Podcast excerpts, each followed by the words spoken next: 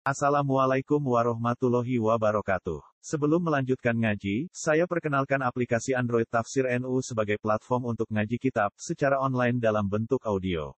Tafsir NU berisi berbagai kajian kitab kuning dari berbagai ulama NU. Silahkan download aplikasi Tafsir NU di Google Play Store. Link download ada di deskripsi. Wassalamualaikum warahmatullahi wabarakatuh. Bismillahirrahmanirrahim. Qala an Abi Hurairah radhiyallahu an. Qala ngendika Abu Hurairah Qala da koma jumeneng sapa Rasulullah sallallahu alaihi wasallam. Hina anzalallah nalikane nurunake sapa Allah Gusti Allah. Wahyu dawuh ayat wa anzir ashirataka al-aqrabin. Nalikane Kanjeng Nabi untuk wahyu wa anzir ashiratakal akrabin. Memberi peringatan sira ashirataka ing keluargamu al akrabina sing parek-parek. Kala dawuh sapa Kanjeng Rasul ya maksyara Quraisyin. Eh wong-wong Quraisy. Au kalimatan nahwaha. Au sakun minar rawi. Utawa ngendikake kalimat nahwa sing ngumpamani maksara Quraisy. Maksara Quraisy mbok maksara Arab apa-apa lah pokoke memper kuwi lah manane. Istaru anfusakum padha tuku wong ijono sira kabeh anfusakum ing awak-awak dhewe kabeh. La aghna ankum minallahi syai'an aku ra iso. Belani nolak angkum saking sira kabeh minallahi saking Gusti Allah saean ing apa-apa. Dadi kowe dhewe lah sing ya bani abdi manaf. Eh anak turune abdi manaf. La aghna angkum minallahi saean. Angna utala uni ya. La uni ya ora manfaati sapa ingsun angkum saking sira kabeh minallahi saking Gusti Allah saeane ngopo-opo. Ya Abbas ibn Abdul Muttalib la angka minallahi saean. Ora isa mbelani bantu maedai sapa ingsun angka saking sira minallahi saking Gusti Allah saeane ngopo-opo. Aja mengharapkan kowe KKN aku mbek Gusti Allah mentang-mentang kue paman aku terus ambek Gusti Allah. Api-apian aten iki paman kula ki ambak ampun dinapak-napake ra iso. Ya Sofia tu eh Sofia. Amma Rasulullah sallallahu alaihi wasallam. Bulike Rasulullah. Sofia kuwi bulik dhewe. Tapi aku ra iso apa-apa juga. Hmm. Angki saking sira gak angka tapi angki. Minallahi saene apa-apa. Ya Fatimah tuwe Fatimah binta Muhammadin putrine Muhammad salini jalu sira wadon min mali saking bandaku. Nek kowe njaluk aku duit tak kei masih ti gak masih ta jaluk min mali yang bando ingsun ma ing barang sikti sing karep sing karep sira. Tapi aku la uguni angka minallahi sayan nek urusanmu karo Gusti Allah aku ra iso berbuat apa-apa. Iki tanggungan dhewe. Hmm. nggak bisa. Jadi KKN enggak ono KKN. Kerabat-kerabate Kanjeng Nabi mulai Bani Abdi Manab itu sampai pribadi-pribadi kayak Abbas Ibn Abdul Muthalib pamane Sofiyah bulie. Antek putrine Dewi Fatimah didawi dan mergo Kanjeng Rasul pertama kali untuk wahyu wa andir ashiratakal akrobi. Turun-turunmu sing cedak-cedak kandani Allah gak nampa KKN. An Abi Hurairah radhiyallahu anhu anna Rasulullah istune Kanjeng Rasul sallallahu alaihi wasallam Ro'a ningali sapa Kanjeng Rasul rajulan ing wong lanang ya suku ingkang giring ya rajul badanatan ing unta badanan unta Pakola moko dawuh sapa Kanjeng Rasul irkabha numpak ana sira wong lanang ha ing badana tumpak iya kok mbok tuntun ae kok wong unta kok mbok tuntun mbok tumpak ra enak. Pakola moko matur sapa rajul. Ya Rasulullah Duh Kanjeng Rasul innaha badanatun. Setune badanan iku badanatun. Niki unta niki ternak sing ajeng anu disembelih kangge korban. Mosok kula tumpakin Pakola moko dawuh Kanjeng Rasul sallallahu alaihi wasallam. Irkabha numpak ana sira ing badana Au waihaka bisania awis salisa. Iki sakun minar rajul irkab hawailak utawa wailak mbah waihak ngono. Ragu-ragu rawine iku wailak apa waihak? Maknane meh padha. Iku kaya pisuan tapi alus jadi maknane nek mbok maknani letterlek ya dadi ora bisa halus wong wae lagi cilaka kowe tapi iki biasane dinggo sing apa ora ora mengecam tenanan gitu gak sedengan lah wae lah cara kene ya kurang asem ngono kucing gelang ngono kok ora kurang ajar kedhuwur kurang asem. Ya. Eh dikandani ngono kan dikandani kan tumpaki kan tumpaki. Pilkabha wailaka ilaka kowe. Pitaniati ing dalem ambal sing kaping pindho awis salisati. Iki ya sakun meneh mbok sing kedua sing mbok ketiga sing Kanjeng Nabi ngendika wae haka itu. Jadi di ngendikani sepisan kok malah bantah ora terus dipindoni karo ditambahi wailaka. Irkab ha wailaka. Kandhani karo nabi yo bantah. Sing ngerti hukumnya nabi. Jadi ora apa-apa.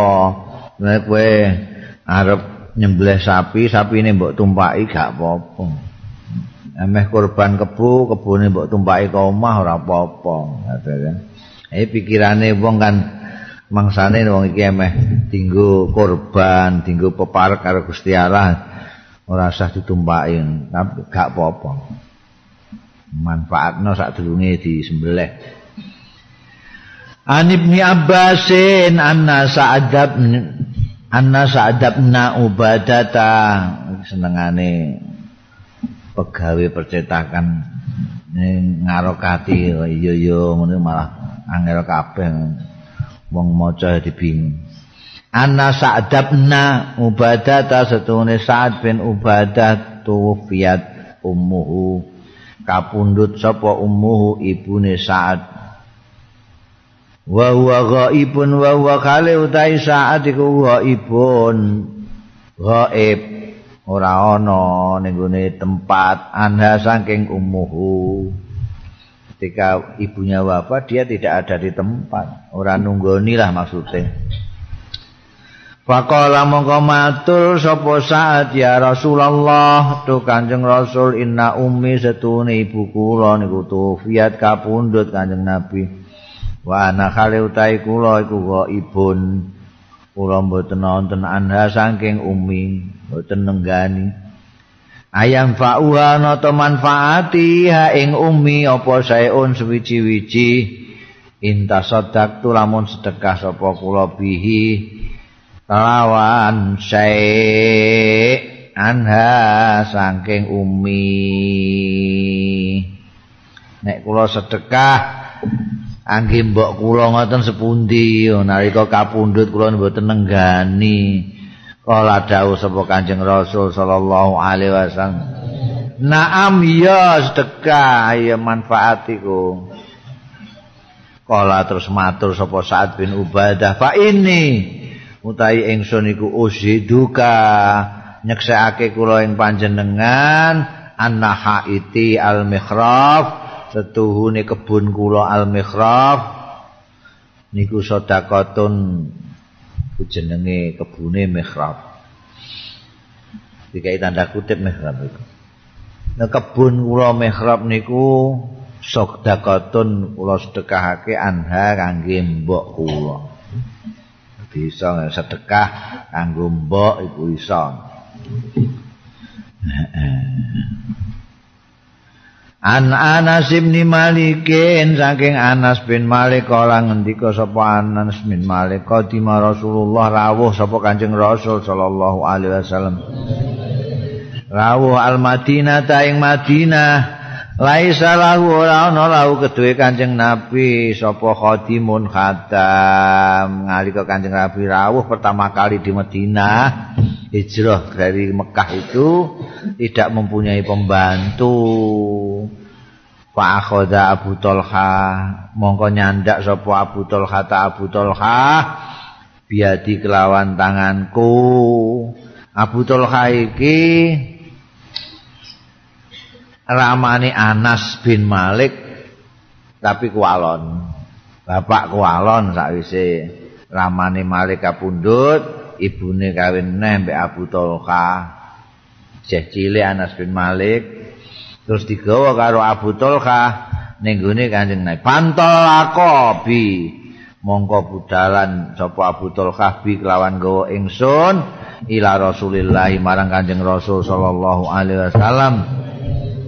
Pakola mau matur sapa Abu Tulkah, ya Rasulullah, duh Kanjeng Rasul, inna anasan stune Anas niki niku gulamun bocah kaison sing pinter niki pinter sakmon.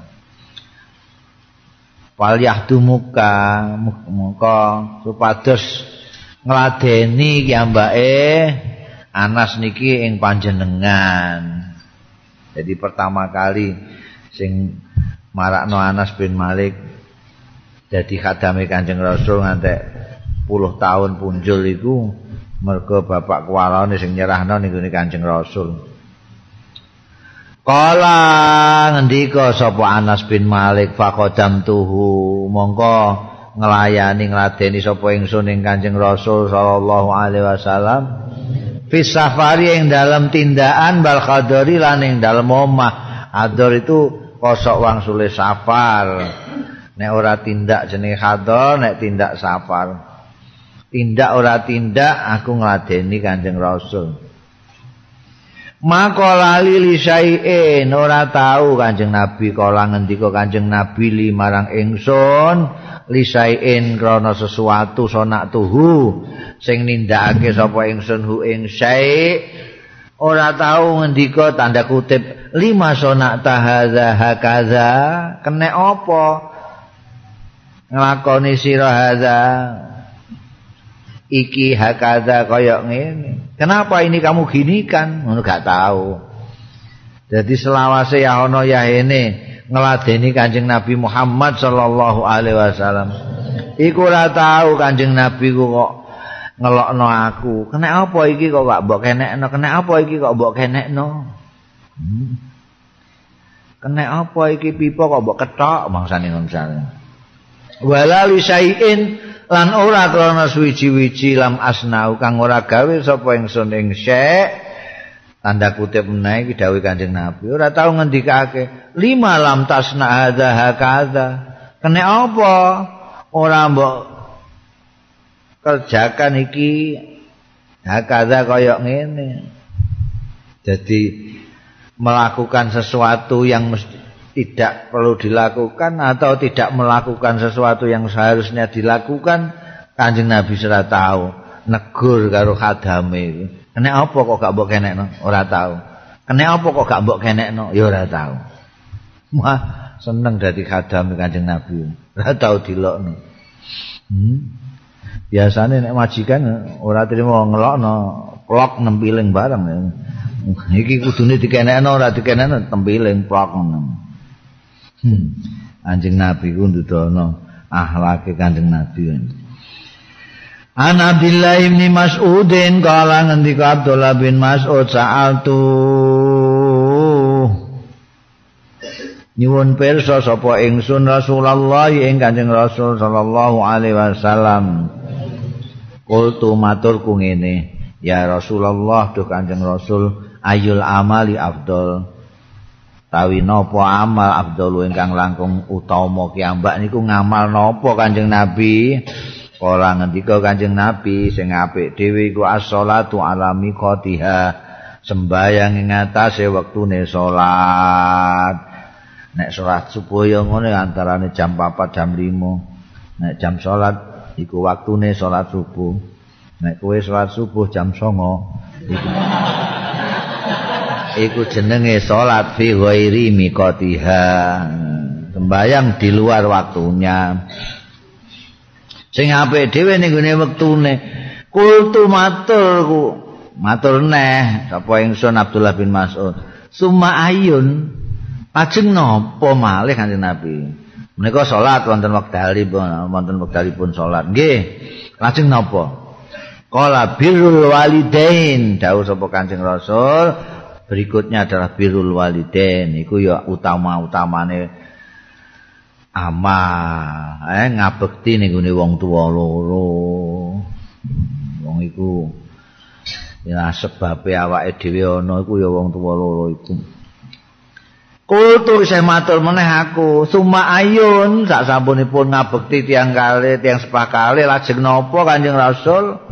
Kala dawuh kanjeng rasul Al jihadu fisabilillah Jihad. Ranking ketiga jihad fisabilillah itu. Jihad fisabilillah nomor siji salat alami kotiha birul waliden kok jihad kok ning guri kena apa? Mergo jihad itu fardu kifayah. Iki salat fardu ain. Fasakatu bareng wis ketiga iku tekan jihad fisabilillah fasakatu mongko kendel ora takok meneh aku ora muni suma ayun suma ayun neh. Fasakatu an Rasulillah saking Kanjeng Rasul sallallahu alaihi wasallam Walawis tazattuhu kok lamun nambahi sapa ingsun ing Kanjeng Nabi lazadani yekti nambahi sapa Kanjeng Rasul ing ingsun Kanjeng Rasul iku segara nek aku kok isih takok Pak iya Cuma ayun ya dijawab meneh. Cuma ayun dijawab meneh Kanjeng Nabi.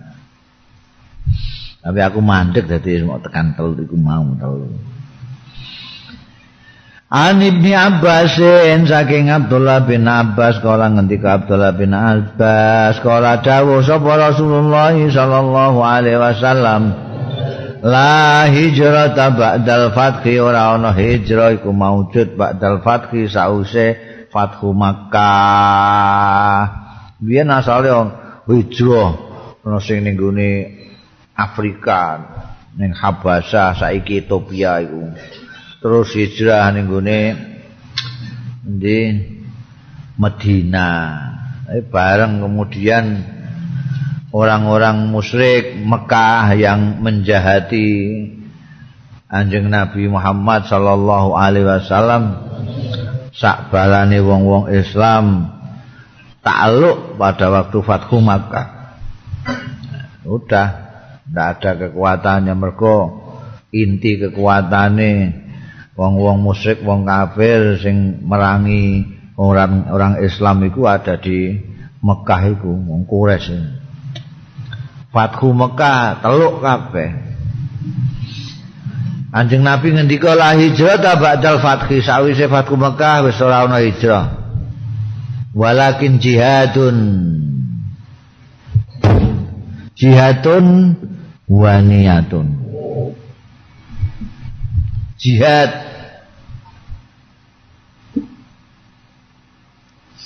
Wa niatun niat berbuat baik niat jihad. Jihad sendiri atau niat kalau tidak ada yang peperangan lah apa lah apa. Niat tok akan melakukan sesuatu yang baik meninggalkan yang buruk. Wa idzastum firtum mongko nek dituntut untuk berangkat berjuang. Pamfiru mongko berangkat sira kabeh. Siap.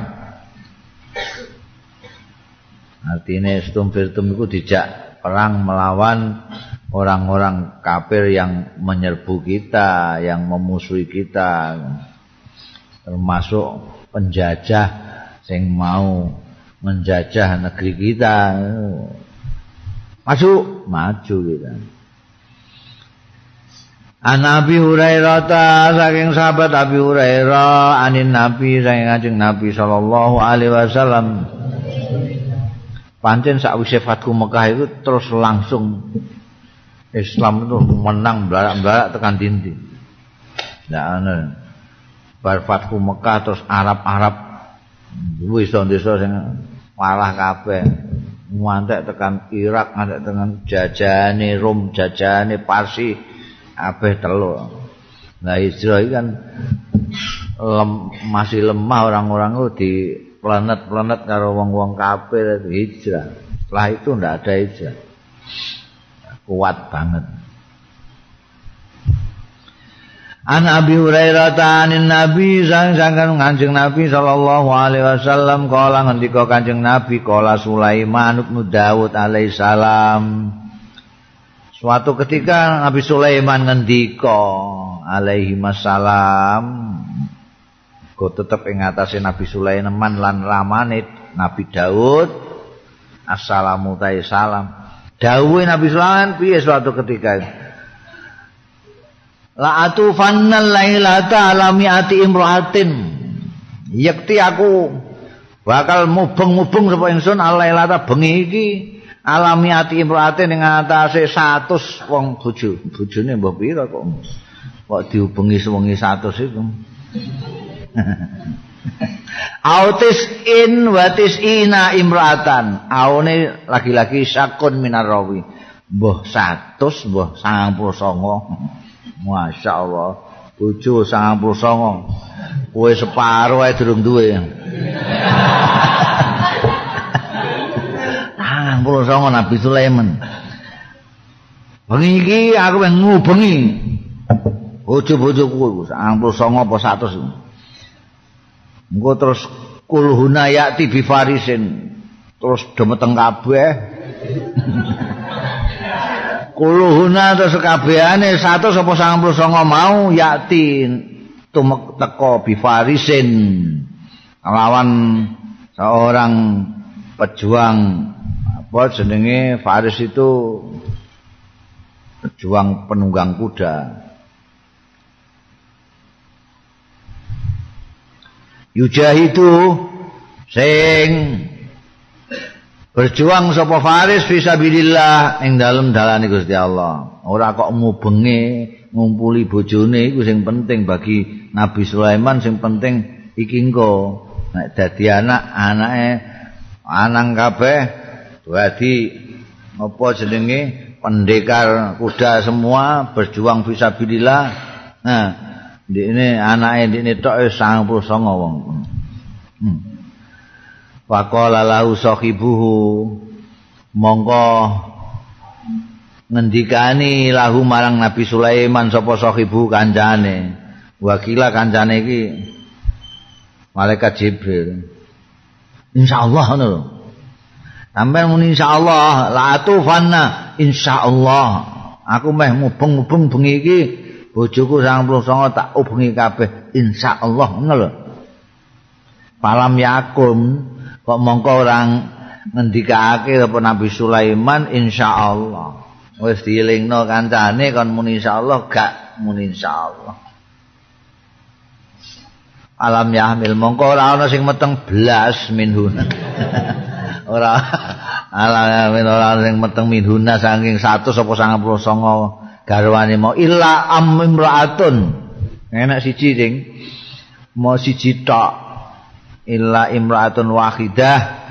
Jaat kang teko. Bisa kira julin kelawan separone wong lanang. Dadi wis cacat sisa itu oh gelem muni insyaallah ngono Waladzi nafsu Muhammadin iki dawuh Kanjeng Rasul sallallahu alaihi wasallam.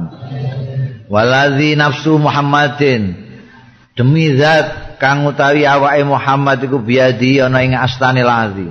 Lau qala kok lamun ngendika Nabi Sulaiman insyaallah la jahadu yakti tenan duwe anak ngantek 199 lanang kabeh jihad kabeh fisabilillah azza wa jalla. Fursanan ajmaun sebagai penunggang-penunggang kuda pendekar-pendekar berkuda. Ajmauna sekabehane ayange ora muni insyaallah. Mulane apa-apa insyaallah insyaallah. Hmm. Kabare tau mandek wahyu rada suwe iku ya mergo kanjeng Nabi janjeni wong tak jawab sesuk se ora muni insyaallah. Hmm. ngono sing ngaji hadis iki ngantekan tuwe nemen tuwe kelingan terus. Ngono insyaallah insyaallah penting dibule ini eh, pakok ya apa-apa insyaallah. Putrane jenengan pinten? Insyaallah tiga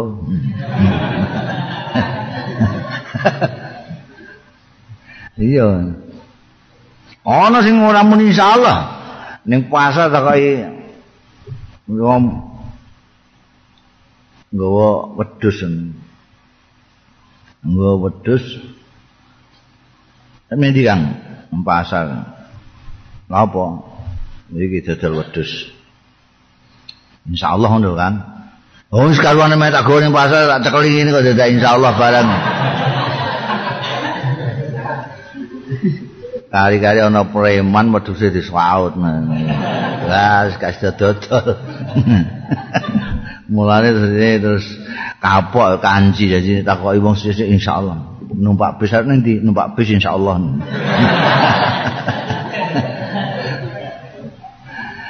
Anak Anas bin Malik saking Anas bin Malik anin Nabi saking Nabi sallallahu alaihi wasallam At-ta'un utawi ta'un. Iku syahadatun merupakan syahadat kesaksian. Aliklik lakum kanggo sira kabeh. Likulli muslimin tumrape wong-wong Islam.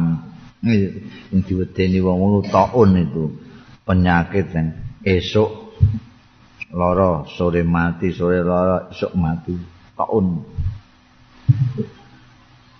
oh, sing maknani taun itu kosta lepra. Ana sing maknani itu merupakan ya pagebluk lah penyakit yang tidak ada belum ada obatnya. Saiki kira-kira kanker itu ya termasuk tahun juga. Itu syahadah di kulli muslimin. Artinya piye? Artinya wong sing kena tahun mati karena lepra kusta karena itu dihukumi syahid ano ya jadi syahid itu ono sing syahid dunya tok ono syahid dunya kerat ana sing syahid akhirat tok. Syahid akhirat iku ya sing iki sing lara taun barang ngono kuwi iku matine mati syahid. Secara lahir secara dunya ora dianggap syahid mek wong-wong iku. Ana sing syahid dunya tok wong maju perang tapi niate ora perang fisabilillah ora mbelani agamane Allah. utawa balik dalan mergo wedi mek tapi terus kepanah kong mati matine jarine wong-wong sahid wong iku ning peperangan tapi ndelok niate sing ora sama dengan yang lain iku jenenge sahide mok donya tok diakui manusa sing sahid donya kerat berjuang fisabilillah mempertahankan agamane Allah dari serangannya musuh-musuh. Niate panjen diikla ikalimatillah yal ulya terus dia terbunuh di dalam peperangan itu. Itu syahid dunia kerat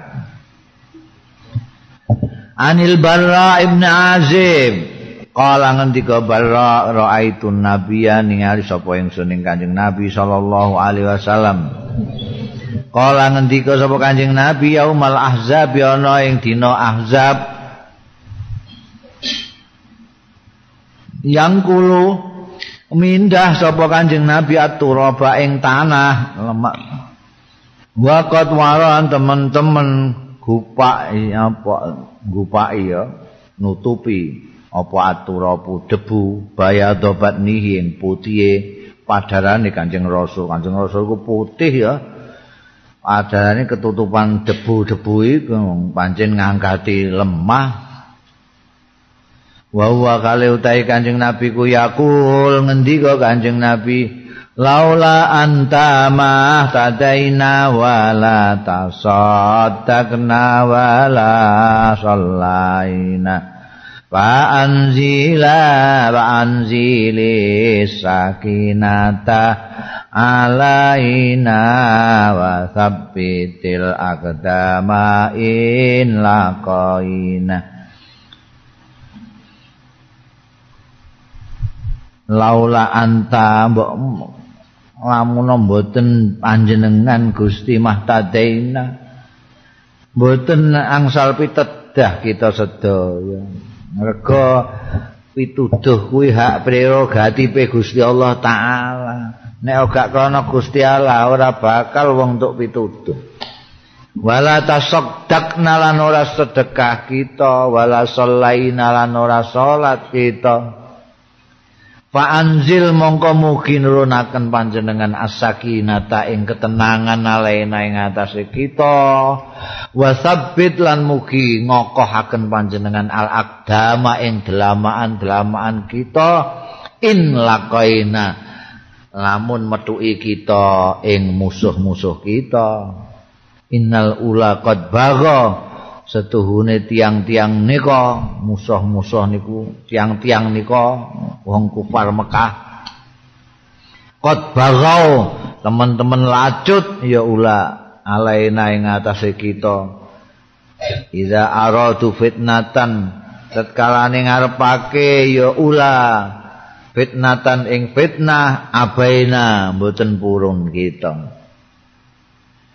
Jadi perang Ahzab itu dinamakan perang Ahzab jamaah hizbun maknane partai-partai kelompok-kelompok. Mergo wong kufar Mekah rumangsa ora iso ngatasi dhewe terus ndekne ngejak bolo. Wong kabilah-kabilah Arab dijaki kabeh ngantek ndi pokoke sing kafir-kafir iku sing ora seneng karo Kanjeng Rasul sallallahu alaihi wasallam dijaki kabeh. Dadi ora wong kufar Mekah nek ning gone Badar ini mau kufar Mekah tok. Ning gone Uhud juga tapi ning gone iki Ahzab ini wah malah ngubungi wong-wong Yahudi sing ning Madinah bareng. Wong-wong kufar Mekah itu. Wajib dikepung berang-berang, wah. Iki diserang semula kayak piye carane. Terus ana wong sing asline gak ning gak wong Arab ya Salman Al Farisi itu dari Parsi. uh, usul karo Kanjeng Nabi niki nek cara pas niku wonten model perlindungan dalam peperangan niku ngangge parit. Jadi nek umpamane mriki mangke Madinah niki ajeng diserbu saking pihak luar. Niki batas kota niki dikeduk kabeh mawon. Parit sing ngombo sehingga jarane mboten saged melompat mriki. Nek tesih tetep melompat mawon karek dikeki yang mriki itu. setuju kanjeng Nabi mulane terus perang Hazab ini juga disebut perang Khondak Khondak maknanya parit nah itu kanjeng Nabi ora kok mengkerik terus kongkan-kongkon tak ngono gak kanjeng Nabi melok macul melok ngangkati lemah gawe parit semono. Dan itu berat sekali karena parit yang sekira gak bisa dilumpati. Jalan itu kan ya tuh jeru. Jadi untuk menyemangati orang-orang kanjeng Nabi karo rengeng-rengeng laula anta mahtadaina wala tasaddaqna wala sallaina karo ngangkati wedi. kadang-kadang sing nek ana wong sing kangelan wah niki kok alot ngeten tanahe? Kanjeng nabi sing mudhun kene kene oh iku jadi kadang-kadang kanjeng nabi ngangkati lemah kadang-kadang maculi lemah. Jadi kanjeng nabi. Minggu ini perang ahzab Nyuwun karo Gusti Allah taala ketenangan. Muga wong gelisah musuh semono akeh bayangno. Kadek ditambah dari dalam diperkirakan ada musuh juga yaitu wong-wong Yahudi ambekan wong munafik dari Madinah mau bergabung dengan Azab kan dari luar dalam itu.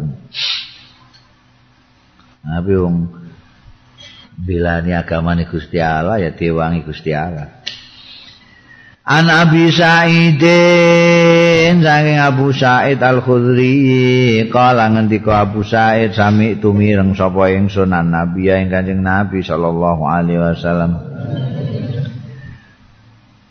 Tak pireng ya kula ingkang dawuh sapa Kanjeng Nabi man soma sapane wong sing poso ya wong ya man ing dalem sedina fisabilillah ing dalem dalane Gusti Allah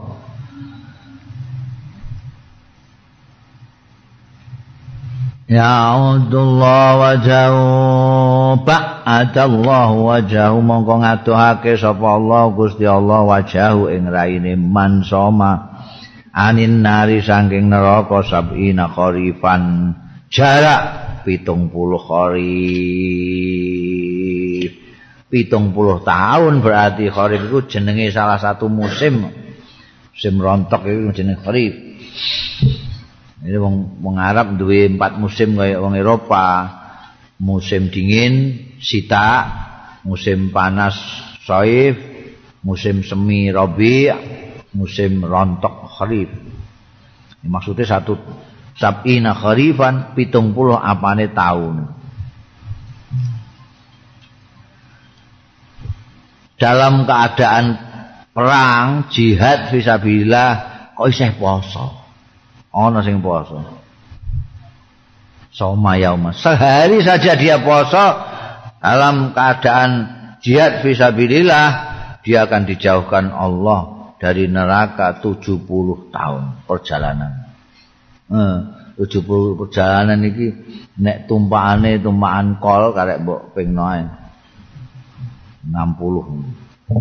iya nek numpak jet. Mulu aduh meneh. Kan sab'ina khoriban. An Zaid bin Khalid lain Zaid bin Khalid radhiyallahu anhu anna Rasulullah istune Kanjeng Rasul sallallahu alaihi wasallam kala ngendika sapa Kanjeng Rasul manjah azza ghazian. Sapane wong sing mempersiapkan ya man ghazian ing wong sing arep berangkat perang fisabilillah ing dalem dalane Gusti Allah faqad ghaza mongko temen-temen perang sapa jaza. Kowe mau nyiapno to? Apa sing mbok perlono kanggo meh-meh perang iki? Ya ya mau kendaraan to iku apa jenenge? Jaran pedang anu. Ya sik tak siapno. Nyes kono nek arep mangkat. Dene gak mangkat lah iku jenenge ghaza. Mergo nyawisi mempersiapkan orang yang berangkat.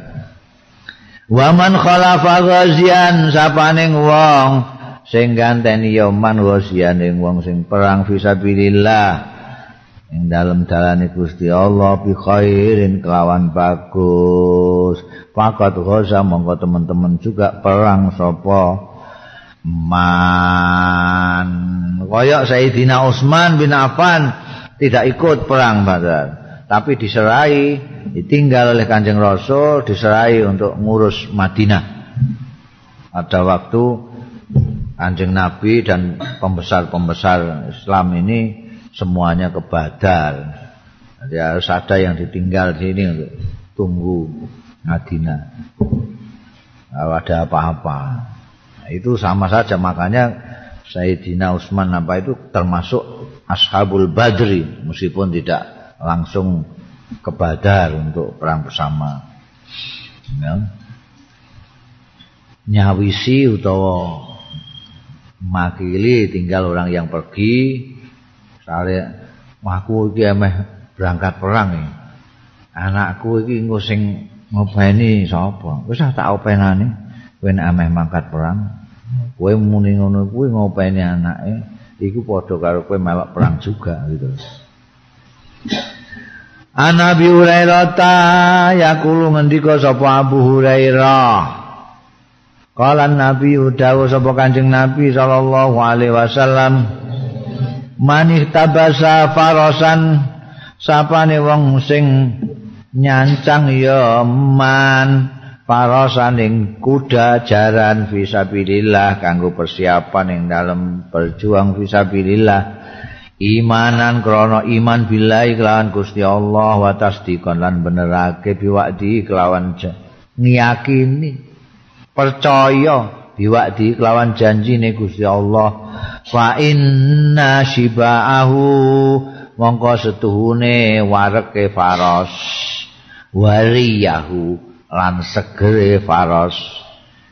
Riyu itu seger iku artine ana sing wareg ka sega ka tela iku jenenge siba nek wareg saka ngombe iku ri wariyahu lan segere maknane segere ae.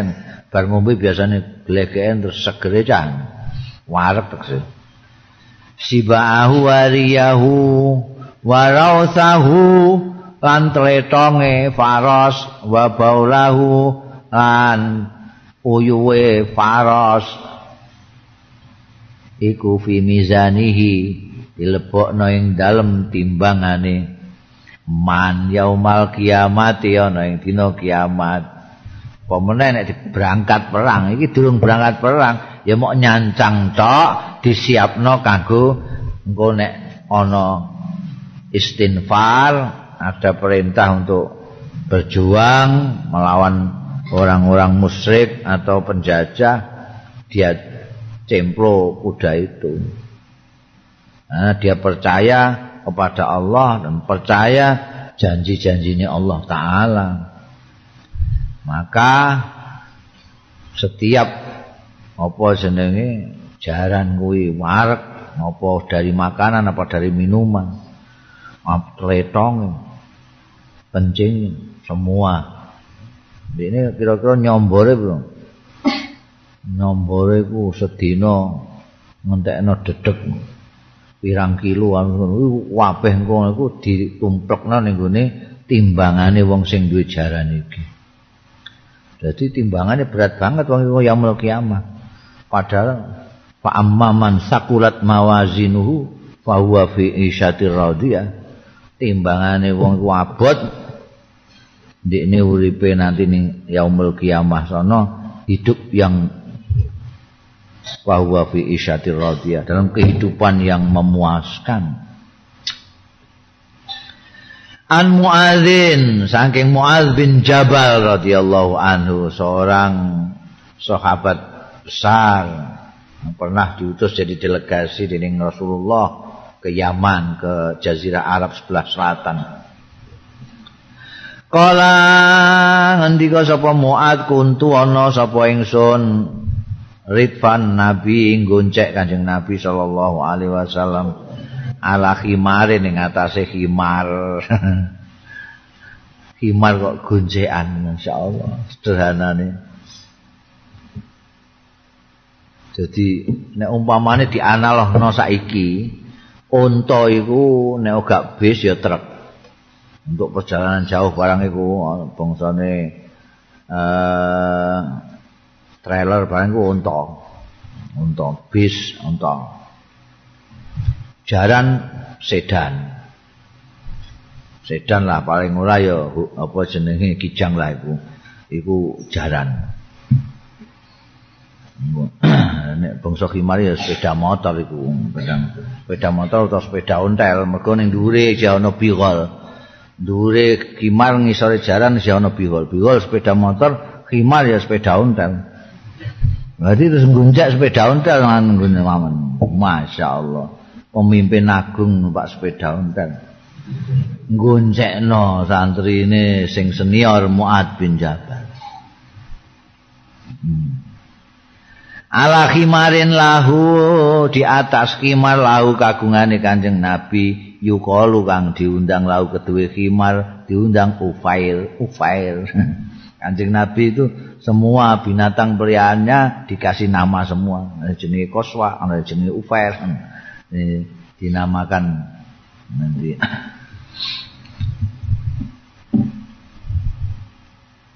Himare jenis ufair kisah yang no aku dawe Mu'ad bin Jabal. Pakola mau ngendika Kanjeng Nabi, ya Mu'ad, ambek no. Ya Mu'ad, he Mu'ad, hal tadri ana to ngerti sira haqqallahi ing hae Allah sing wajib ala ibadi ing ngatasé kawula-kawulane Gusti Allah. Wa haqqal ibad apa ngerti kowe ing hake kawula-kawula sing wajib ala Allah ing ngatasé Gusti Allah? Ada hak ada kewajiban. Apa haknya Allah yang wajib atas kawula dan sebaliknya? Apa haknya kawula sing wajib atas Allah taala.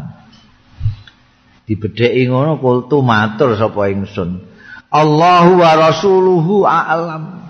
Gusti Allah lan utusanipun Gusti Allah alamu ingkang pirsa Gusti Kanjeng Rasul. Ora mboten ngertos ora ngendika Kanjeng Nabi. Fa inna haqqallahi setuhune hake Allah sing wajib ala ibadi ing atase kawulane Allah iku ayak buduhu yen to nyembah ya ibad. Hu ing Allah wala yusriku lan ora nyekutokake ya ibad.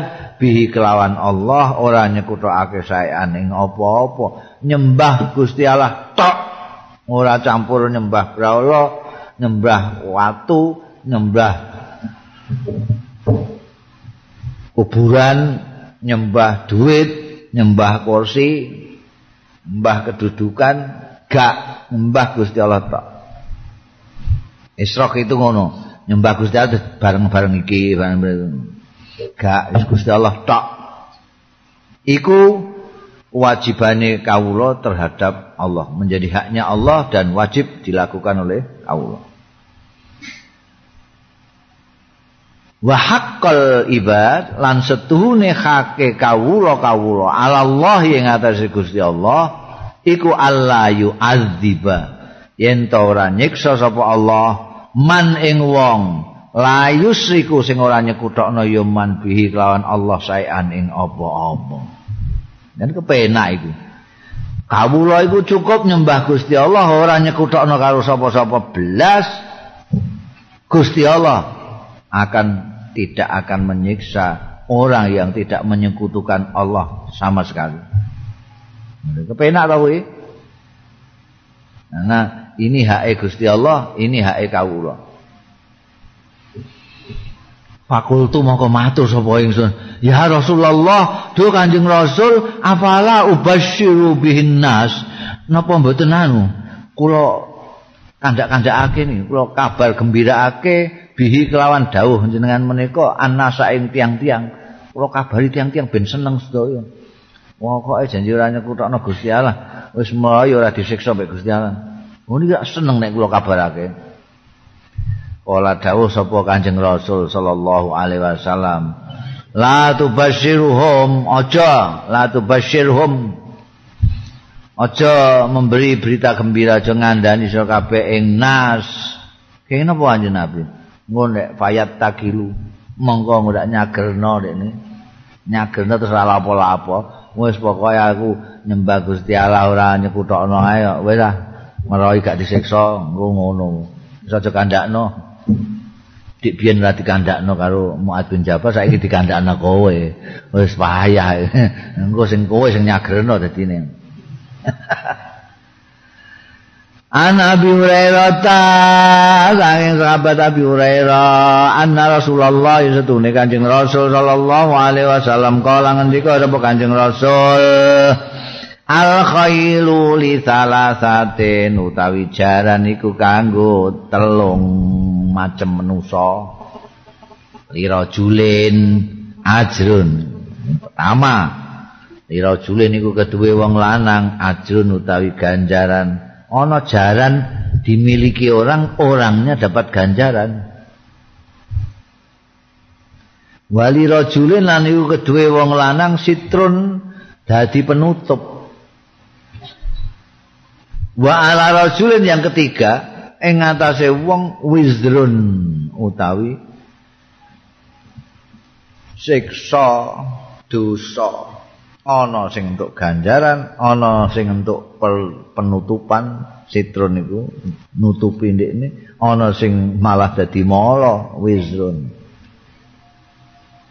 Fa ammal ladzi lahu ajrun mongko utahi wong lahu kang iku keduwe ladzi ajrun ganjaran para julun mongko wong lanang robatoha sing nyancang ya rajulun ha ing khail fisabilillah ing dalem dalane agamane Gusti Allah. Memang jaran itu dicancang, dipersiapkan untuk nanti keperluan berjuang fisabilillah.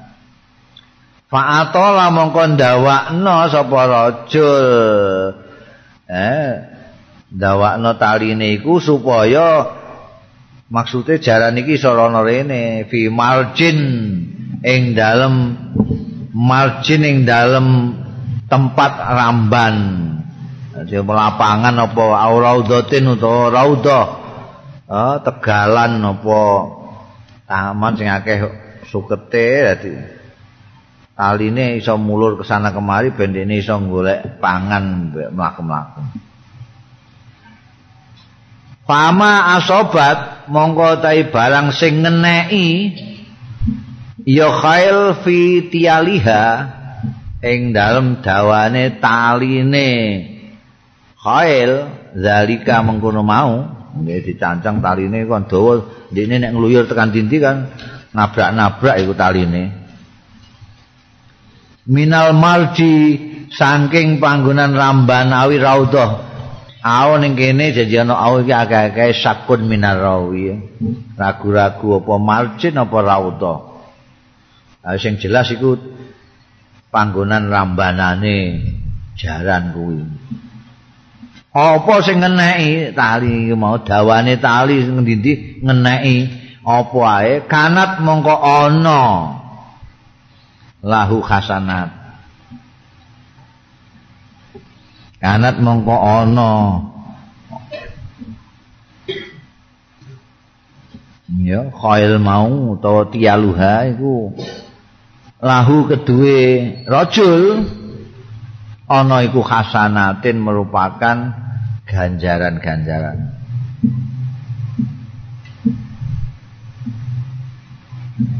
Taline nabrak iki untuk ganjaran tan taline nabrak iki untuk ganjaran. Walau annaha qata'at. Lamun setuhune khail iku qata'at mutus tialaha ing taline mau iku nek wonten taline dadi taline nabrak-nabrak terus untuk ganjaran. Lah nek kiambake medhot taline. Lau anna lamun stune khal iku qataat mutus ya khail. Tialaha ing taline khail pastanat mongko ingkrak-ingkrak seneng lah pastanat mongko lincak-lincak ya khail sarofan au sarofen satu langkah atau dua langkah ke sana kemari. Kanat mongko ono apa? Arwa suha. Letong-letonge wa asaruha lan tipak-tipake khair hasanat tan iku merupakan ganjaran kebagusan lahu kedue rajul Walau anha marat mengucul walau anha lamun setuhune khail iku marat liwat. Binahri ana ing kali pasaribat mongko ngombe apa khail minhu sangka kali mau. Padahal walam yurid lan ora ngarepake sapa rajul ayas kiyaha yen to ngombeni sapa rajul ha ing khail sing duwe ora kok niat ngombeni tapi jarane dhewe ngombe karep-karepe dhewe tetep kana zalika ana apa zalika mengkono-mengkono ngombene jaran mau hasanatin iku dadi ganjaran lau kedue rajul ganjaran tok pokoke Heeh, iku yang nomor siji. Wa rajulun ana saiki wong lanang robatoha nyancang sapa rajul ha ing khaile tagonian. Rana sumuge ben ora butuh rana apa-apa, butuh rana wis pokoke aku duwe jaran wis cukup wa ta'affufan lan menjaga kehormatan diri. Eh? Ora dinggo perang tapi dinggo apa jenenge ya duwe-duwenan ben kira-kira nek ana apa-apa ndekne iso didol apa iso piye. Tumalam yansa mongko keri-keri ora lali sapa rajul iki haqqallahi ing hake Gusti Allah firika biha ing dalem gulune. Khair ya tetep dipakani diombeni. Wala zuhuriha lan geger-gegere. Khair ya. Pakanane ngombenane apa nama jenenge ya. Di openi kabeh ora tau lali fahiya lidzalika sitrun fahiya mongko utahi khail lidzalika krana ngono mau iku sitrun dadi penutup kanggone rajul. Artine kanggo penutup dari apa namanya kefakiran wong dene duwe jaran. Duwe jaran iso dienggo nyambut gawe iso dienggo apa warajulun sing ketiga iki wong lanang robatoha. Iki padha-padha nyancangi kabeh iki mong. Sing tuk ganjaran moyo nyancang sing iki sing go ben ora pikir iki moyo nyancang. Warajulun lan wong lanang robatoha. Sing nyancang ya rajulun ha ing khail fakhron krana bangga-bangganan. Wah bentian wong. Wah iku jarane apik temenan iku. Jaran Arab kira-kira. Wariaan lan krana riya pamer merono ditumpaki nek sore wah ben apike cah jarane. Waniwaan lan dinggo. Musuhi li ahli islami marang ahli islam. Fahiya mongko utahi khair iku wizrun merupakan dosa siksa ala zalika ing atase mengkono-mengkono wong lanang. Mergo dinggo bangga-bangganan dinggo musuh wong Islam. Ana Aisyah radhiyallahu anha qalat ngendika Siti Aisyah kana ana yauma idin ana ing dinane id yal abu dolanan sapa asudanu? Wong-wong ireng. Saiki mulane iku sing sebelah selatannya Mesir itu negara Sudan itu mergo wonge ya pancen ireng-ireng.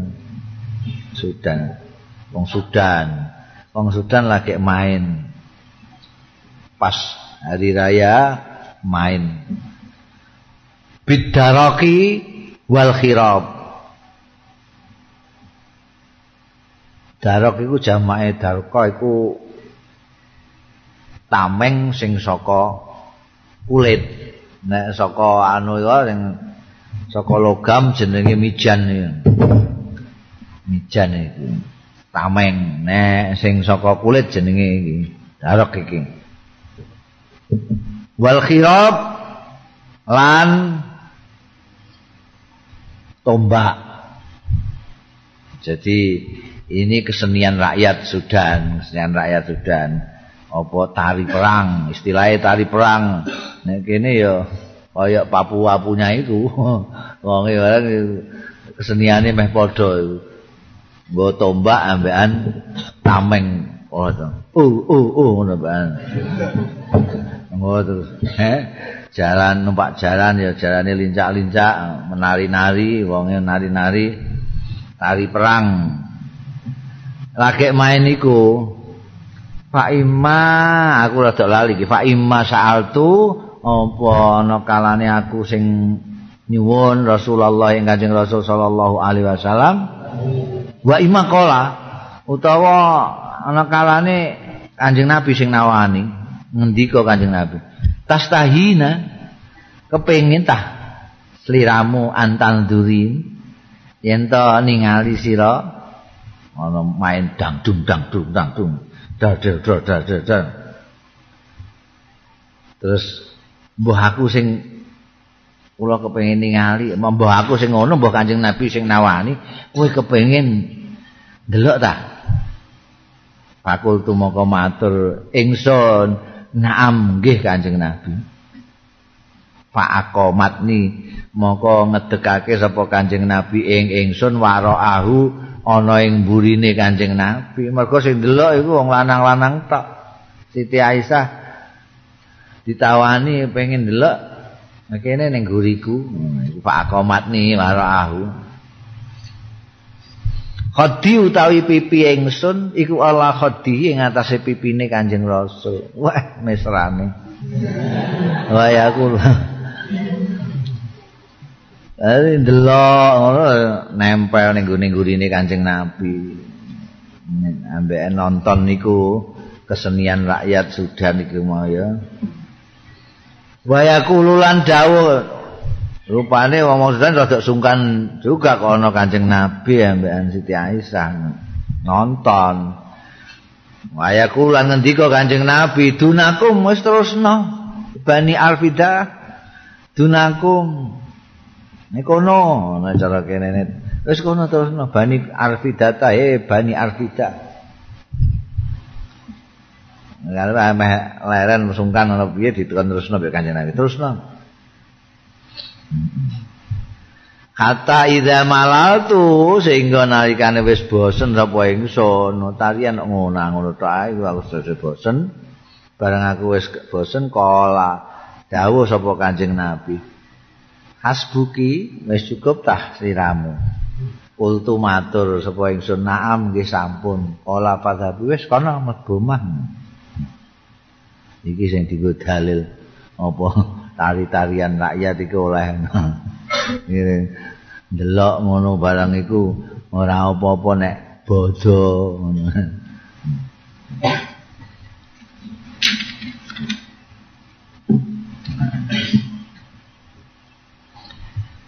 Tapi wong akeh ya, tapi wong akeh, wong akeh ana sing ngarani ora iku kok istimewaane Kanjeng Nabi. Ya ana sing ngono kuwi. Ana sing ora ya Kanjeng Nabi iku dudono nek oleh.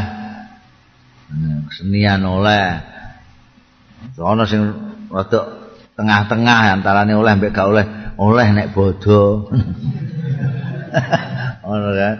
Lan sing ana sing ana sing nek sing nambahi oleh nek bodho lan sing suasanane kaya bodho ngantenan sunatan barang ngono kuwi. Jenenge wong akeh. An Ibnu Umar anin Nabi tangking Abdullah bin Umar anin Nabi saking Kanjeng Nabi sallallahu alaihi wasallam. Kala ngendika sapa Kanjeng Nabi juila rezeki tata zilli rumhi. Didadekake apa rezeki-rezeki ingsun tahta zilli rumhi ana ing isore. Ayang-ayange tombakku. Ora ning tombakku ning ayang-ayange tombakku. Waju ilalan didadekake apa azillatu keasoran wasagharan kerendahan alaman khalafa amri. Ing atase wong khalafa sing menentang yoman amri ing agama ingsun perkara ingsun Jadi sing nentang itu merai menjadi hina asal lah aku dhewe malah entuk rezeki nek ana sing nentang. Mergo apa rezekiku iku di bawah bayang-bayang tombakku. Nek ana sing nglawan tombak tak cekeli ngono ae wis entuk rezeki aku. Maksude ghanimah ghanimah. Jadi ora perlu perang kadang-kadang ora perang wong wis telak teluk dhisik. Untuk ghanimah rezeki. Wah, berlimpah-limpah. Ghanimah itu. Tapi wong Kanjeng Nabi ora seneng sugih dadi ya pas kapundhut barang ya ora ninggal apa-apa, malah ninggal utang. kegadean ini wong Yahudi padahal nek kersa kanjeng Nabi Masya Allah. Setiap perang untuk ghanimah semono.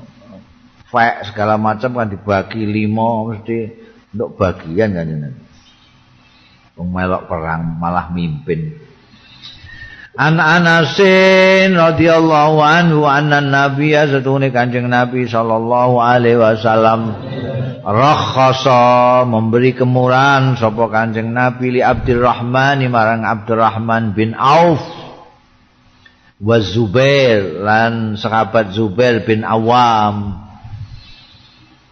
Fi komisin haririn ing dalem kamis sutra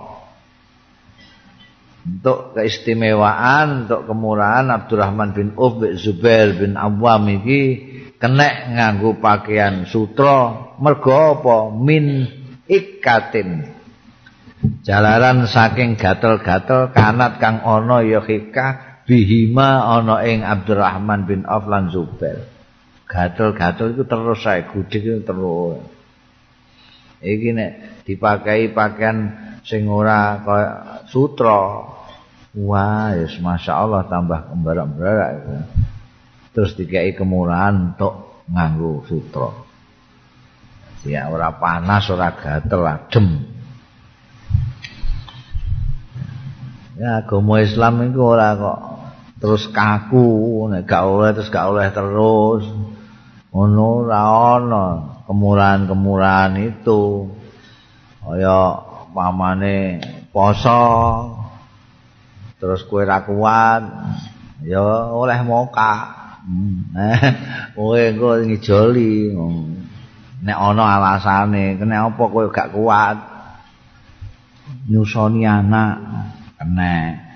Kula kesah tebih teng Jakarta ngorong kena. Sakit kula kena. Piye? Sembayang Duhur aku kudu ping papat, kadang-kadang kena mok loro tok. Nek kowe nek kowe lunga ado iso mbok koso dadi loro. Tidak kaku sama enak sekali. Gak oleh nganggo sutra wong lanang. Tapi nek ana alasan yang membolehkan ya boleh. An Abi Hurairah radhiyallahu anhu kala ngendika sapa Abu Hurairah kala Rasulullah sallallahu alaihi wasallam La taqumu sa'atu ora jumeneng apa saatu dina kiamat hatta tuqatilu sehingga merangi sira atulka ing wong-wong Turki. Wong Turki mbah wong Turki kuwi mbah ora. Mergo Kenapa tidak orang Turki itu? Mereka penyipatannya kanjeng Nabi, orang Turki itu sihorul ayun, meripati cili-cili. Hmm. Matanya cili-cili, orang kaya orang Arab, orang Arab meripati ombong-ombong. Sihorul ayun, meripati cili-cili. Khumral wujuh, lainnya wabim. Ini malah kaya orang Tibet gitu ya. Orang Tibet. Zulfal unuf, sing mekrok-mekrok untuk irunge gede irunge. Ora mancung kaya wong Arab mekrok gede ngono. Ka'anna wujuhahum kaya-kaya rai-raine wong-wong Turki iku mau iku al majanul mutarraqa. mutraqa kaya perisai tameng sing ditutuki. Ameng ditutuki dadi potongane ora halus ngono, bergidal. Iku kaya sapa iku bangsa ndi? Etoke kaya wong Tibet apa wong barbar. Wong Turki ya ora pati ngono kuwi, wong Turki mripate ora cilik-cilik. Wala taqumus saah lan ora jumeneng apa asaatu kiamat hatta tuqatilu sehingga merangi sira kauman. Ing kaum ni aluhum kang utahi sandal-sandale kaum iku asyaru terdiri dari rambut. Iki ana sing kandha nek sandal iku terdiri rambut iku dinam terus dinggo sandal ana sing ngene ana sing kandha maksude ni alhum sa'ar iku mergo rambuté dawa banget ngantek tekan sikil sekalian rambut sekalian tinggu sandalan. Ya ora sing ngono. Nah iku termasuk tanda-tandane wis meh kiamat. Tapi tanda-tandane kiamat itu wakeh banget.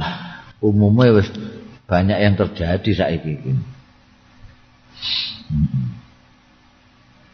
An Abi Hurairah ta kala ngendika sapa Abu Hurairah kala Rasulullah dawuh sapa Kanjeng Rasul sallallahu alaihi wasallam Umir tuan uqatilan nas.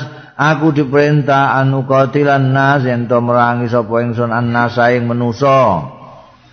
Manusa kafir mestine. Hatta yaqulu sehingga ngucapake sapa nas la ilaha illallah Pamangkala mongko sapane wong sing ngucap sapa man la ilaha illallah faqat asama minni. Mongko teman-teman wis ngreksa sapa man minni saking ingsun nafsu ing awak dhewe ne man ora kena dipateni. Wa malahulan bandane man illa bihaqi kejaba kelawan hake. Man hake wong mang wa khisabu ta khisabe man ala Allah ing atase Gusti Allah. Dadi wong sing wis syahadat maca la ilaha illallah itu berarti dia sudah menjaga dirinya tidak akan diapa-apakan oleh Anjing Rasul sallallahu alaihi wasallam. Jiwanya juga tidak boleh ude-ude kecuali bihakihi dia mateni wong lalu dipateni itu salah dewe. Tapi kalau tidak karena apa-apa ndak boleh. Wa malihi bandane juga gitu. Bandane selamat ndak akan dirampas ndak akan diapa-apain. Kecuali dia ini nggak asap berarti itu dirampas sampai pemerintah An Abdullah bin Abi Aufa saking Abdullah bin Abi Aufa anna Rasulullah setune Kanjeng Rasul sallallahu alaihi wasallam Biba di ayami yang dalam sementara dina-dinane Kanjeng Nabi allati laqiya fiha kang ketemu sapa Kanjeng Nabi fiha ing dalam lati ayam ketemu al adua yang musuh. Intadara. Biba di ayamihi intadara ngenteni sapa Kanjeng Rasul khatta malat sehingga condong apa asam susu ngenge Tuma koma mongko keri-keri jumeneng Kanjeng Nabi finnasi ing dalem wong-wong. Pakola mongko ngendika Kanjeng Nabi ayuhan nas. E wong-wong la tamannau aja padha ngarep-ngarep sira kabeh liko al adu ing ketemu musuh. Was'alullah al afiyah lan jalu sira kabeh Allah ing Gusti Allah al afiyah ta ing slamet. Tapi fa idza lakitum Mongko tatkalane ketemu laki tumuhum. Tatkalane ketemu sira kabeh hum ing musuh-musuh. Fasbiru mongko sabar tabao sira kabeh aja mlayu. Wa lamu lan ngerti sira kabeh annal jannata setune swarga iku tahta zilalis suyuf di bawah bayang-bayangnya pira-pira pedang.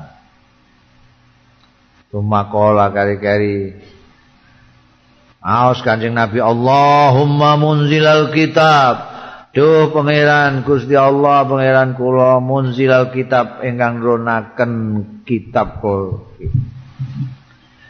Wa mujriyas sahab lan sing nglakokake mendung. Wa hazimal ahzab lan sing mlayokake musuh-musuh. Bolo-bolo musuh. Ezimhum mugi melayakaken panjenengan ngalahaken panjenengan ing ahzab wansurna lan mugi nulungi panjenengan alaina ing atase kita. Jadi nek pada waktu perang Kanjeng Nabi itu selalu menunggu kalau sudah rada adem bar, bar duhur ngono kae uh, matahari sudah lingsir Anjing Nabi wis pidato di depannya pasukannya. ini sekarang kalian jangan mengharap kepengen wah gandrung ketemu kepengen ketemu musuh. Tak sikate ya nek tak sikate nek kowe sing nikat nek kono sing nikat aja mengharapkan ketemu musuh. Nyuwun ning Gusti Allah ae supaya selamat wilujeng. Tapi kok sampai ketemu dengan musuh kowe aja mundur aja melayu yang sabar mergo kamu tinggal sedikit itu dengan surga itu. Kalau ketemu musuh itu. Di bawah bayang-bayang pedangmu itu surga bar pidato terus baru kanjeng Nabi ndonga niku Gusti Allah taala baru. Lanjut. Nah, gitu. Ana Abi Hurairah ta kala dawuh sapa Abu Hurairah? Kala ngendika sapa Kanjeng Rasul sallallahu alaihi wasallam? Kullu sulama utawi saben-saben ros-rosan minan nasi saking manusa alaihi kuwi ngatasé kullu sulama sedekatun. Sedekah. Kula yaumin ing dalem saben-saben dina tatluu sing muncul fi ing dalem yaum apa asamsu sengenge ya dilubaina ini sedekah kok ngadili sapa wong bainas ini antarane wong loro sedekah niku merupakan sedekah. Wa yu'inu rajul ala dabatihi payam alaiha. Wa yu'inu lan bantu sapa wong arrajula ing wong lanang ala dabati ing atase tumpakane rajul payah milu alaiha mongko ngangkat sapa wong alaiha ing atase dabah. Momot dadi apa jenenge? Ana wong nggawa glangse ning gone gonjekan sepedane kok medet-medet arep ceblok. Kowe mbok angkat nang kang benakno sih iki ceblok mbok kowe utar kacir gabamu eh cekelise sepedamu tak benakno. Mbok angkat. Mbok angkatno sing wis arep ceblok iki. Untuk ganjaran sedekah iku kowe. Hmm? ana wong gegeran terus mbok tengahi. Sampai ora sida geger sedekah sedekah itu masya Allah pintunya banyak sekali. Au yarfa'u 'alaiha mata'ahu to ngangkatno sapa wong 'alaiha ing atase dabah mata'ahu ing barang-barange raja sedekahun sedekah. Mbok angkatno. Wal kalimatu thayyibatu ta kalimah sing bagus.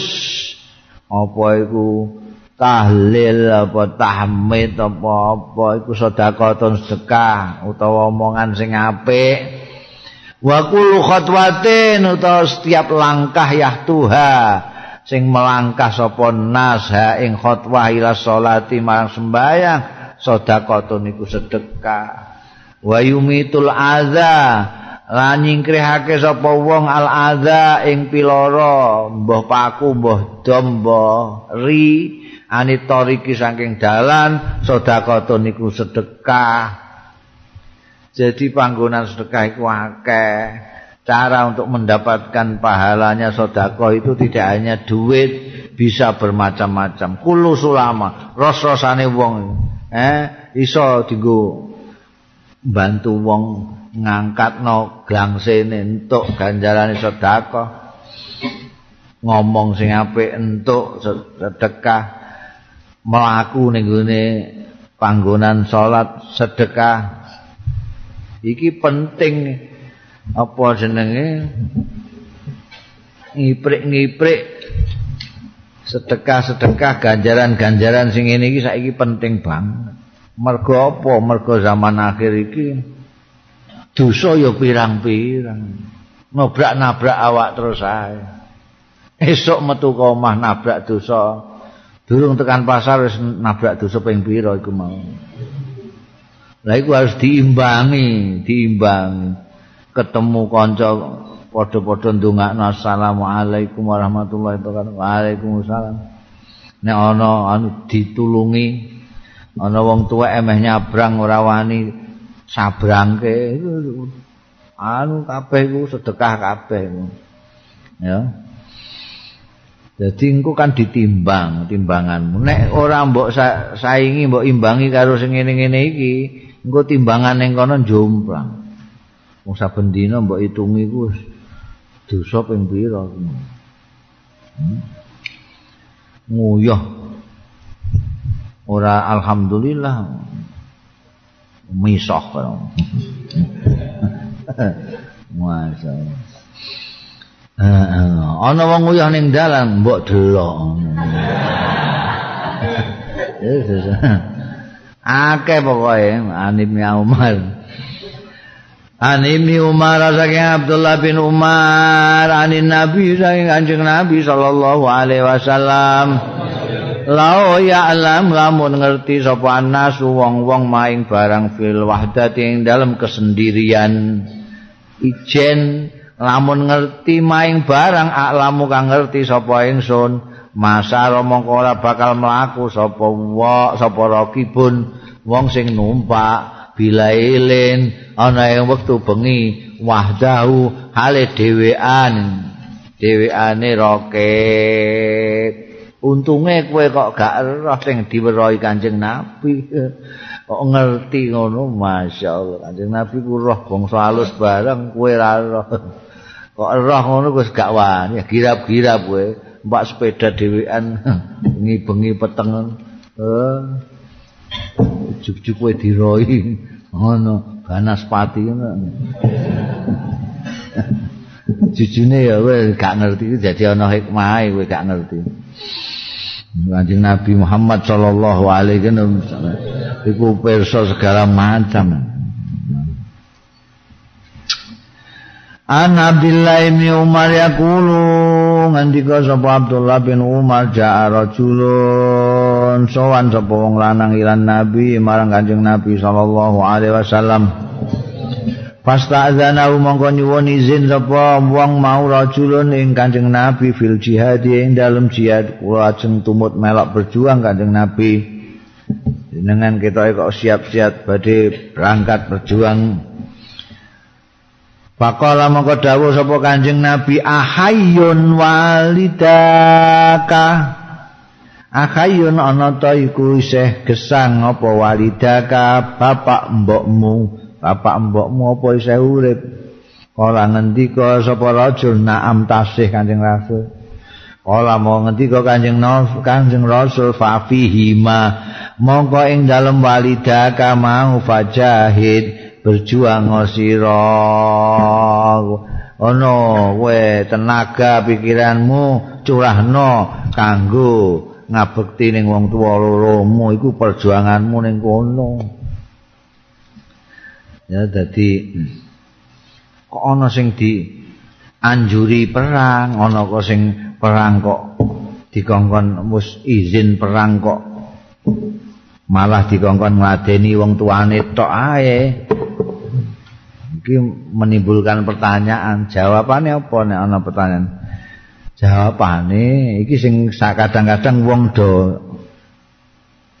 apa jenenge? Kurang paham lali. Rumangsane wong-wong iku Kanjeng Nabi Muhammad sallallahu alaihi wasallam.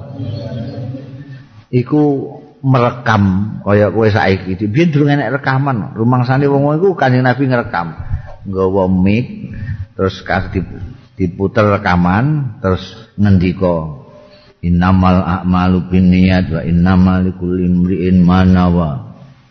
Terus muni salah satun yuk tauna ujurahum marratain terus lumangsane ngono gak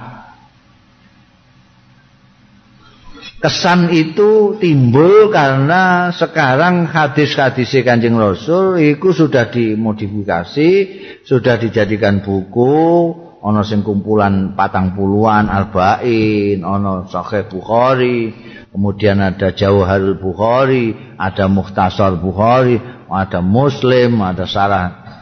Sehingga orang itu lali. Nah, itu sebetulnya ada konteksnya. Kanjeng Nabi tidak mungkin ngendikan terus ditulisi mbek wong dhewe-dhewe ne. Nabi ngendika apa tulis. Ya apa tulis. Gak. Kanjeng Nabi ngendikane dhewe-dhewe. Ngepasi apa, ngepasi apa baru ngendikan. Ora kok ana wartawan teko terus oh kanjeng Nabi ngendikan jenengan. Gak, gak ngono. Jadi ada makanya ana sahabat sing mara niku Kanjeng Nabi ausini ya Rasulullah. Kula jenengan nasihati kanjeng Nabi. Kanjeng Nabi dawuh la takdzab aja muring-muring. Tapi ana sahabat liya ana hadis liya sing muni ausini ya Rasulullah. La takdzib aja goro ini kok beda kenapa? Wasiate ning iki kok la takdzib ning iki kok la takdzab Iki mulane perlu. Nek ning gone Quran ngerti asbabun nuzul ning gone hadis ngerti asbabul wurud. Iki wong iki mergo ngamukan dadi nyuwun nasihat dikai nasihat la takdzab iki wong iki wong tuane tuwa-tuwa bapake tuwa mboke tuwa ora ana sing ngrumati terus didhawuhi akhayun walida. Tak seure orang asih. Ya siku fafihima fajahid. Jadi ini penting. Saiki banyak orang-orang itu sing gara-gara uh, tidak sadar tentang adanya konteks ini terus memahami apa anane teks terus salah paham terus kadang-kadang langsung menolak. Menolak. Aku tahu seminar. Seminar itu barengan karo tokoh feminisme. Tokoh feminisme itu tokoh yang memperjuangkan kesetaraan wanita dengan laki-laki. Ngarepe mahasiswa-mahasiswa separuh mahasiswa-mahasiswa separuh mahasiswi-mahasiswi oh. mahasiswa ana sing nakal nikah kok. Itu ada hadis Kanjeng Nabi Muhammad mengatakan nek ana wong wedok diajak turu bojone ora gelem. Iku ngantek esok dilaknati karo malaikat hmm, ngantek esuk. Itu takal itu bagaimana itu ada ada hadis begitu itu gimana? Wah, langsung tokoh feminisme itu. Oh, itu pasti hadis mauduk. Hmm. Itu hadis bikinan, tidak mungkin kanjeng Nabi merendahkan perempuan seperti itu. Masa perempuan hanya untuk konco turu tok? Kalau tidak mau terus dilaknat itu kan melecehkan wanita. Tidak mungkin kanjeng Nabi begitu tidak mungkin. Lagi orang mahasiswa dari celelean. Maaf bu, saya tidak tanya sama ibu. Saya tanya sama Gusmus.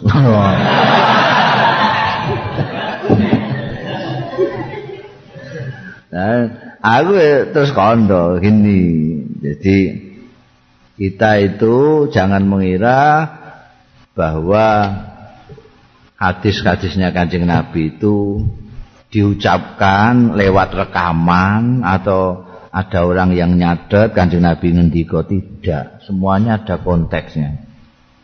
Seperti hadis ini. Hadis yang ditanyakan tadi. Itu kalau ada perempuan seorang istri tidak sedang M tidak sedang sakit tidak sedang lemes, tidak sedang kesel, tidak laupo-laupo, dijak turu bojone kok emoh, tidak usah malaikat, saya juga melaknati.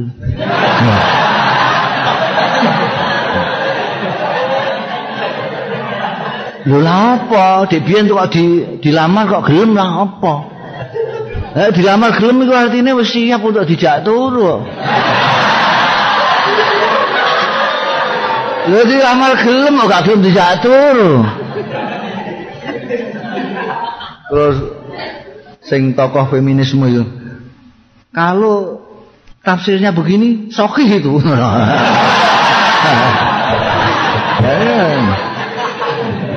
Nah, ya. Itu yang dia bikin bilang mauduk gara-gara ndak ngerti konteks. Ngerti konteks dia yang bilang sokeh ini. Mong dene angger ngomong ae ora tau ndelok kitabe. Jadi itu juga begitu. Jadi kan ada orang yang dianjuri jihad. Wah di bank-bank itu jihad nomor satu. Mulai ngantek ono wong-wong laskar jihad barang iku ngantek tekan gune Afghanistan barang melok latihan. Iku kan mergo dhewe njikuk hadis sitok-tok iku sing jihad iku. Padahal sing melok rono kadang-kadang ana wong tuane sing butuhno ndekne barang. Nah, itu kan harus ngerti setiap dawuh Kanjeng Nabi ini ada konteks. Anib ni Ambasin ana usami'a dunia Abdullah bin Abbas Anahu dunia Abdullah bin Abbas ku sami amireng ya Abdullah bin Abbas an Nabi ya Kanjeng Nabi sallallahu alaihi wasallam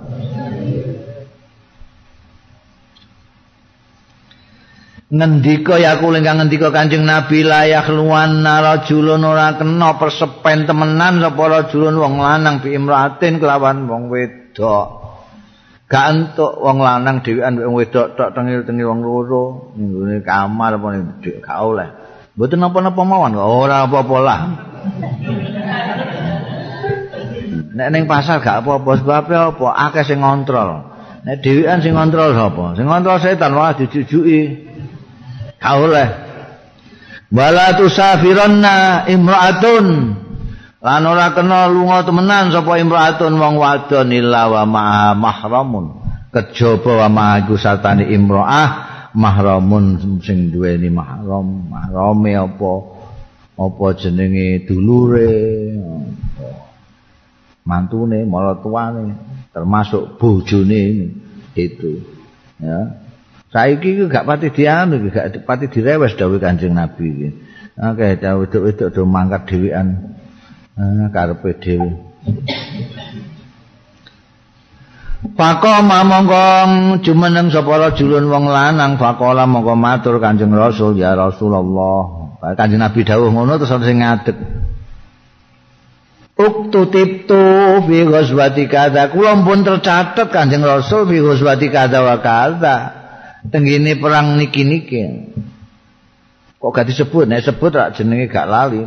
Nanti jadi disebut niku-niku niku ngono. Tapi wa kharajat imraati lan medal sapa imraati bojo kula hajatan khalil ngokaji. Kula niku pun tertulis, kula niku pun daftarke diri untuk melok perang jenengan. Tapi bojo kula niki ajeng kepengin kisah kaji pundi niki. Kala dawuh Kanjeng Nabi Muhammad sallallahu alaihi wasallam. Idhab wis kowe berangkat ae fakuja kaji sira ma'im ra'atika sartane bojo ira. Jadi ada orang yang mau berjuang disuruh ngladeni wong tuane ana sing PR berjuang disuruh untuk uh, ngancani sing wedok macam-macam itu. Tidak sama. An Nabi Hurairah saking Nabi Hurairah anin Nabi saking Kanjeng Nabi sallallahu alaihi wasallam qol ngendika Kanjeng Nabi salah satun ana wong telu tiga orang tiga macam orang. Yuk tauna diparingi ya salasa ujurahum ing ganjaran-ganjarane salasa diparingi ora sepisan tapi marrotain double dua kali rong ambalan ada tiga macam orang yang ganjarannya double sapa itu pertama ar-rajulu. Wong lanang takunu kang ana lau kedue rajul apa al amatu budak wedok? Wong lanang duwe budak wedok.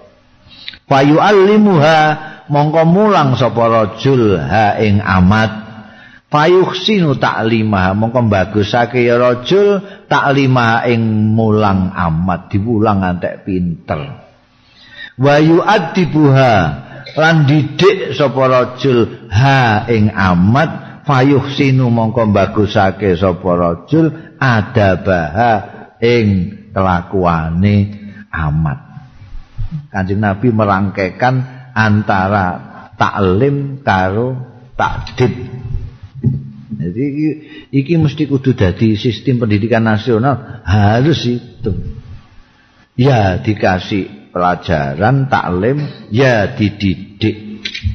Supaya ora terjadi kayak sekarang inflasi orang pinter tapi kelakuane elek jadi malah ngerusak kabeh yang kita harapkan ada orang-orang pinter yang terdidik mentalnya bagus akalnya bagus Ojo nek pinter tok ora dididik iso sombong.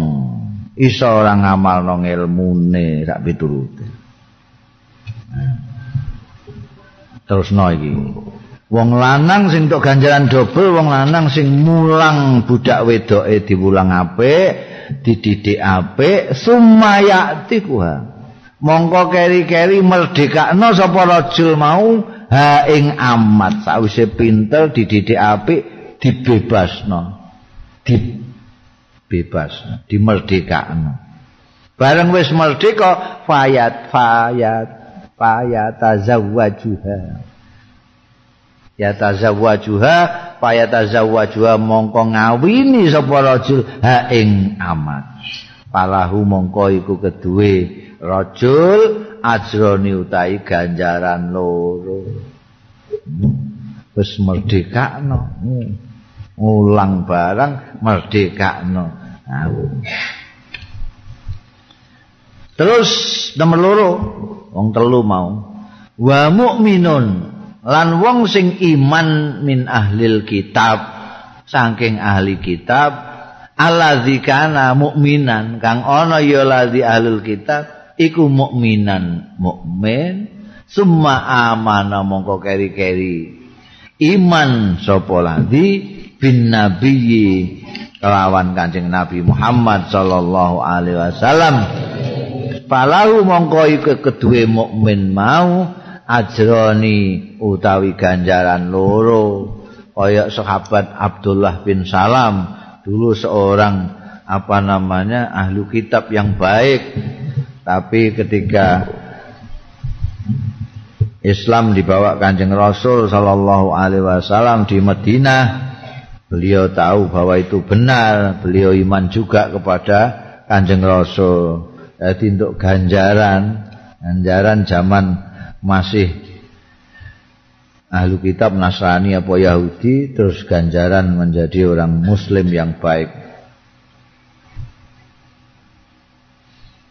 Nomor telu wal abdu lan budak alladzi yuaddi haqqallah sing nekaake ya ladzi haqqallah ing hak Allah memenuhi haknya Allah wa yansahulan berbuat baik ya abad li sayyidi marang bendarane ladzi abad.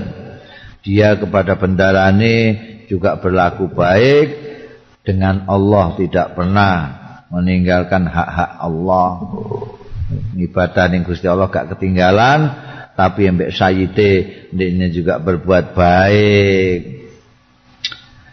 Falahu mongko iku kedue ladzi abad ajroni utai ganjaran loro An Ibni Umar saking sahabat Ibnu Umar Abdullah bin Umar radhiyallahu anhuma naha ngelarang sapa Rasulullah Kanjeng Rasul sallallahu alaihi wasallam. Angkotlin nisa saking mateni wong-wong wedok wasibiani lan bocah-bocah cilik eh. Gak entuk dalam perang itu. Pernah satu kali ada setelah peperangan kanjeng Nabi menemukan ada mayat perempuan. Duh ini kok ada perempuan jadi Nabi terus melarang tidak boleh kecuali perempuan itu memang mengangkat senjata kayak sekarang ini perempuan banyak yang jadi tentara. Nah, itu. Nek sing anak-anak itu mutlak tidak boleh. Ngangkat senjata cek ora gak oleh dipateni. Nah, ini kini kesalahannya wong-wong sing kaya Imam Samudra barang ngono. Umpama bener maksudnya iku jihad, itu ndak boleh model ning pasar ngebom ngono.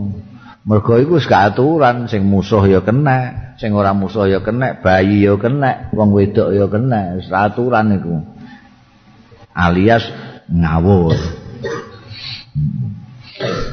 An Nabi Hurairah radhiyallahu taala anhu kala ngendika Abu Hurairah kala Rasulullah dawuh sapa Kanjeng Rasul sallallahu alaihi wasallam Ba'da makana amara sawise ento ana Kanjeng Nabi ku amara perintah bi kharki fulanin wa fulanin. Sawise perintah membakar fulan dan fulan. Biyen ana wong Jawa hate pol nemene ning wong Islam heeh ning hadis lain disebut jeneng kok ini gak disebut jeneng iki, disebut Fulan bin Fulan. Heeh. Mungkin ini gak ono. Sarwani gak nyebut juga.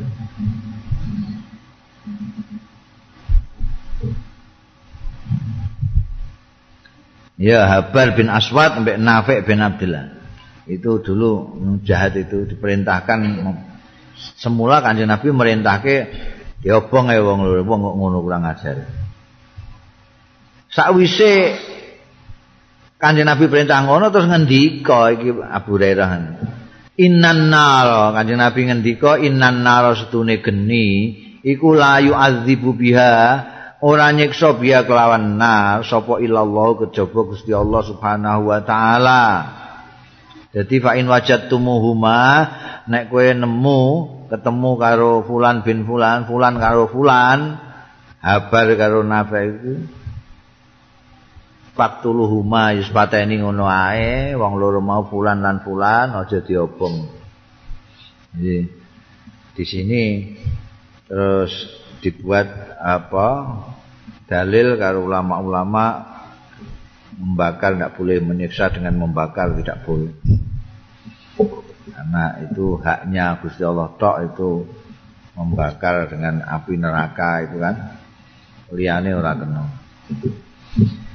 An Anas bin Malikin saking sahabat Anas bin Malik radhiyallahu anhu anna Rasulullah setune Kanjeng Rasul sallallahu alaihi wasallam Dakhala mlebet ya Kanjeng Rasul amal fathi ana ing tahun fatah wa ala roksi artinya masuk Mekah masuk Mekah dengan ribuan pasukan wong Mekah ha ana sing wani metu lawan kuancing kabeh Kanjeng Nabi mlebet amul fathi wa ala ra'sihil mighfar.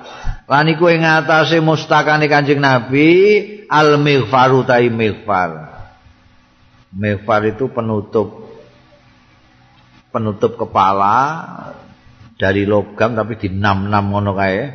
Jadi koyo logam enam enam. Nanti setelah itu baru dipakasi helm topi baja. Jadi sebelum topi baja itu ada milfar itu. Nanti kalau dipanah barang itu orang ke daging tapi ke logam-logam itu. Nam-naman mifah. Penutup kepala dari besi. Falam manaza'ahu bareng nyopot Kanjeng Nabi ing mikfar sudah dicopot berarti sudah selesai perang. Kalau pakai itu berarti kan koyok ning perang Uhud Kanjeng Nabi sudah pakai itu kari-kari sing sing usul nyerbu itu mau balik ilat. Mboten sias kanjeng Nabi. Pikir-pikir kok saya pendapat jenengan kalau mau nunggu mawon teng Madinah mriki mboten sah nyerbu mereka. Ora iso, aku wis nganggo iki. Nabi nek wis siap perang gak oleh balik. Iki anjing Nabi sudah pada waktu Amu Fathen ini ketika pembedahan Mekah, kemenangan Mekah itu sudah dicopot itu mirban. Nek mifal wis dicopot, berarti topi bajanya ya malah sudah dicopot duluan karena ini di bawah topi baja mifal itu. Palam manazau bareng nyopot sapa Kanjeng Nabi hu ing mifal, ja'a rajulun sowan sapa wong lanang. Pakola mongko matur sapa rajul, "Ya Rasulullah, do Kanjeng Rasul, inna ibna khatal muta'alliqun bi astaril Ka'bah." Anu Kanjeng Rasul, setuhune Ibnu Khatal niku muta'alliqun gandulan bi astaril Ka'bah ayan satir-satire Ka'bah. Sing ireng iku satire Ka'bah. Ibnu Khatal iku tau mlebu Islam sediluk terus murtad terus ana wong Islam sing bantu ndekne ning kancane dipateni nganggur akhire ndekne iku nglumpukno wong wedok-wedok iku diwarai nyanyian-nyanyian kon mengecam anjing Nabi karo wong Islam. Wah iku Ibnu termasuk yang dicari-cari. Karena musuhi wong Islam nemen. Kanjeng Nabi sudah melepas mighfar, ada yang laporan Kanjeng Nabi. Ibnu Khattal gandulan tengene apa satire Ka'bah, lambune Ka'bah. Padahal Kanjeng Nabi begitu masuk ke Mekah wis ngumumno apa sing mlebu ning gone Masjidil Haram aman, sapa sing mlebu omahe Abu Sufyan aman. Lah iki mlebu ning gone Masjidil Haram gandulan Ka'bah sisan. Kanjeng Nabi tapi pakola mau ngendika Kanjeng Nabi, "Uktulu matenono sira ing Ibnu Hatal, ora peduli gandelan. Apa jenenge? Gandulan satir Ka'bah lah." Nah karena ini ada pentingnya no, nyopot mighfar sak piturute itu kaitannya nanti di dalam mengambil dalil boleh enggak. Kita itu nyerbu ning Mekah sak piturute biyen nalika tahun 79 tahun 79 itu Masjidil Haram diduduki karo pemberontak Juhaiman CS. Wah itu ulama-ulama Saudi itu ora ngei fatwa-fatwa Raja Fahad ngantian bingung iki kok gak ada ngei fatwa oleh apa enggak nyerbu Masjidil Haram Pemberontak Masjidil Haram penting Masjidil Haram ku angger menara iku ana pemberontake siji penembak jitu. Dhuwur.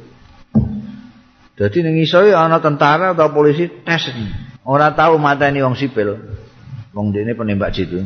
Ketok tentara der mati. Ulama-ulama Saudi ki rapat bolak-balik ora fatwa-fatwa. malan sing wae fatwa Allah yarham Sayyid Muhammad bin Ali al-Maliki ku boleh no ya dalile termasuk itu hmm. An Ibni Umar satune Ibnu Amma Ibnu Umar kala ngendika sapa Ibnu Umar? Dzahaba farasun lahu.